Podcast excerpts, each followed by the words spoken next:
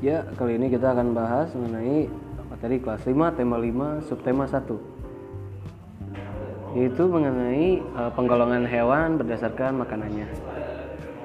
Jika berdasarkan makanannya, penggolongan hewan atau binatang dibagi menjadi tiga, yaitu karnivora atau pemakan daging, lalu ada herbivora atau pemakan tumbuhan, dan omnivora yaitu pemakan segala. Kali ini kita bahas mengenai karnivora. Karnivora adalah jenis hewan pemakan daging. Hewan yang masuk golongan karnivora ini dikenal sebagai hewan buas. Itu karena mereka memangsa hewan lain untuk dimakan. Hewan ini juga dikenal sebagai hewan yang bisa bergerak dengan sangat cepat. Gigi taringnya tajam, kukunya juga runcing. Pandangan matanya serta penciumannya yang uh, sangat tajam juga gitu. Nah, teman-teman, karena mereka sama-sama mencari hewan untuk diburu, Biasanya sesama hewan karnivora tidak mau tinggal bersama-sama. Di alam liar mereka punya daerah kekuasaan masing-masing.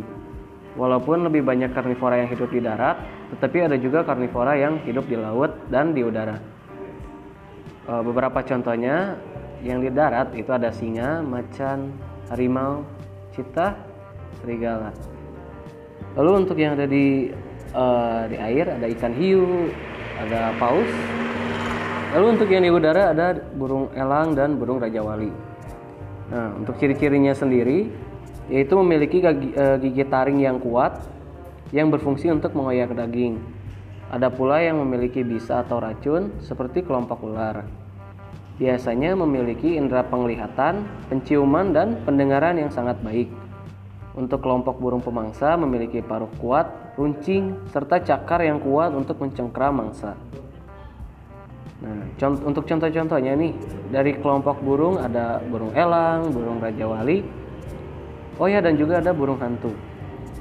Lalu dari kelompok serangga ada laba-laba, nyamuk, dan capung.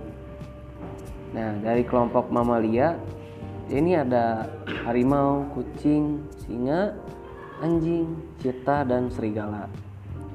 Nah, dari kelompok reptil ada ular, komodo, buaya, bunglon, cicak, dan toke. Nah, yang terakhir nih dari kelompok ikan ada ikan hiu, ikan piranha, dan ikan arwana. Mungkin sekian dari saya. Maaf apabila banyak kekurangan. Sekian, sampai jumpa di uh, sampai jumpa di lain kesempatan.